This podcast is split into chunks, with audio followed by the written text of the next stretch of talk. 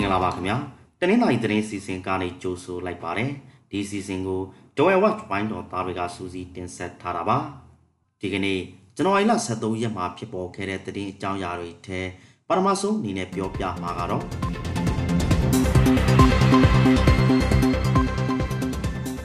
ပရာဟိတဖွဲ့ဝင်တွေကိုလူရည်စင်းကောက်တဲ့ဖွဲ့တဲ့အာရမထက်သွင်းခံရတဲ့အကြောင်းပါတနင်္လာရီတိုင်းကလူကြီးစင်းကောက်ယူရေးအဖွဲ့ထဲ ပရဟိတအဖွဲ့ဝင်တွေကိုကာယကရှင်စန္ဒမပါဘဲအာရမထက်သွင်းတာတွေရှိနေပါတယ်။ဇင်းကောက်အဖွဲ့ကိုလုံချိုရေးပေးဖို့ဆိုပြီးပရဟိတအဖွဲ့ဝင်တွေကိုထက်သွင်းနေတာပါ။ရွာတိုင်းမှာထက်သွင်းနေတာမျိုးတော့မဟုတ်ပါဘူး။စက်ကောင်စီတားနဲ့ပြူစော်တီအဖွဲ့တွေထိချုပ်ထားတဲ့ရွာတွေမှာဆိုရင်တော့မိသားစုလုံချိုရေးအခြေအနေတွေကြောင့်ညှင့်ပယ်ခွင့်မသာဘဲဇင်းကောက်အဖွဲ့ထက်ထက်သွင်းခံနေရတာတွေလည်းရှိနေပါတယ်။ ဆလပီမြင်းမျိုးမှာချေးချောက်လူရဲမှုတွေခက်စိတ်စိတ်ဖြစ်လာတဲ့အကြောင်းပြောပြပါမယ်။မြင်းမျိုးအင်းလေးမဲ့ဆက်မှုဇုံလမှာချေးချောက်လူရဲတာတွေခက်စိတ်စိတ်ဖြစ်လာနေပါတယ်။ပြီးခဲ့တဲ့ဒီဇင်ဘာလကနေစပြီးတကြောပြန်ဖြစ်ပွားလာနေတာပါ။ရေထွက်ကိုလုပ်ငန်းနဲ့ဘီလာမြေစက်ရုပ်ကိုတွာလာနေတဲ့အလုံသမားတွေကိုလူရက်သူတွေကပြတ်မှတ်ထားနေကြပါတယ်။လက်နဲ့ပြချေးချောက်လူရက်တာတွေရှိသလိုဆိုင်ကယ်နဲ့လူရက်ထွက်ပြေးသွားတာတွေလည်းရှိတယ်လို့ဆိုပါတယ်။ အဲ့ဒီလိုပုံစံနဲ့အလုံးသမားတွေစီကနေဖုံပိုက်ဆံအိတ်တွေမကြာခဏလူရက်ခံနေကြရတာပါ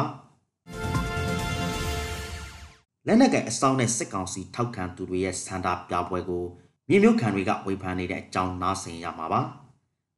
မြေမျိုးမြေတောင်ကျေးရွာအုပ်စုယူအနီကဘောလုံးကွင်းမှာစစ်ကောင်စီထောက်ခံသူတွေဇန်နဝါရီလ12ရက်ကဆန္ဒပြပွဲတစ်ခုပြုလုပ်ခဲ့ပါတယ်လူကြီးရကနာလောက်ပါတဲ့အဲ့ဒီဆန္ဒပြပွဲကို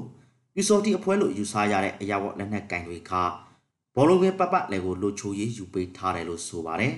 ။အခုလိုချိန်မျိုးမှာဆန္ဒပြပွဲကိုပေါ်ပေါ်တင်တင်လှုပ်ခွင့်ရတဲ့စစ်ကောင်စီထောက်ခံသူတွေဟာရုပ်ကြည်ချက်ကြောက်ဆန္ဒပြကြတာမျိုးမဟုတ်ပဲ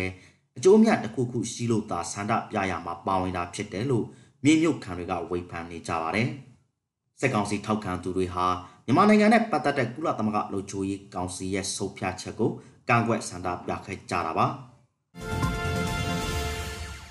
နေ့စဉ်နဲ့အမျှတက်နေတဲ့ရွှေဈေးပြန်ကျလာတဲ့အကြောင်းဆက်ပြောပြပေးပါမယ်တဝက်ရွှေဈေးဘက်ကိုလေ့လာကြည့်ရမှာနေ့စဉ်တရေကြီးဈေးတက်လာနေတာကိုတွေ့ရပါတယ်ဇန်နဝါရီလ10ရက်ကတဝက်ဈေးကွက်မှာခောက်ရွှေတကြတာ29သိန်း3000ကျပုံစည်းရှိပါတယ်နောက်ပိုင်းမှာတော့9ရက်ဆက်တိုက်တနေ့ကျတောင်ကနန်းစီနေတိုင်းဈေးတက်သွားရကနေမနေ့ကဇန်နဝါရီလ12ရက်မှာတော့ 28သိန်း4000ကျပ်အထိဖြစ်သွားခဲ့ပါတယ်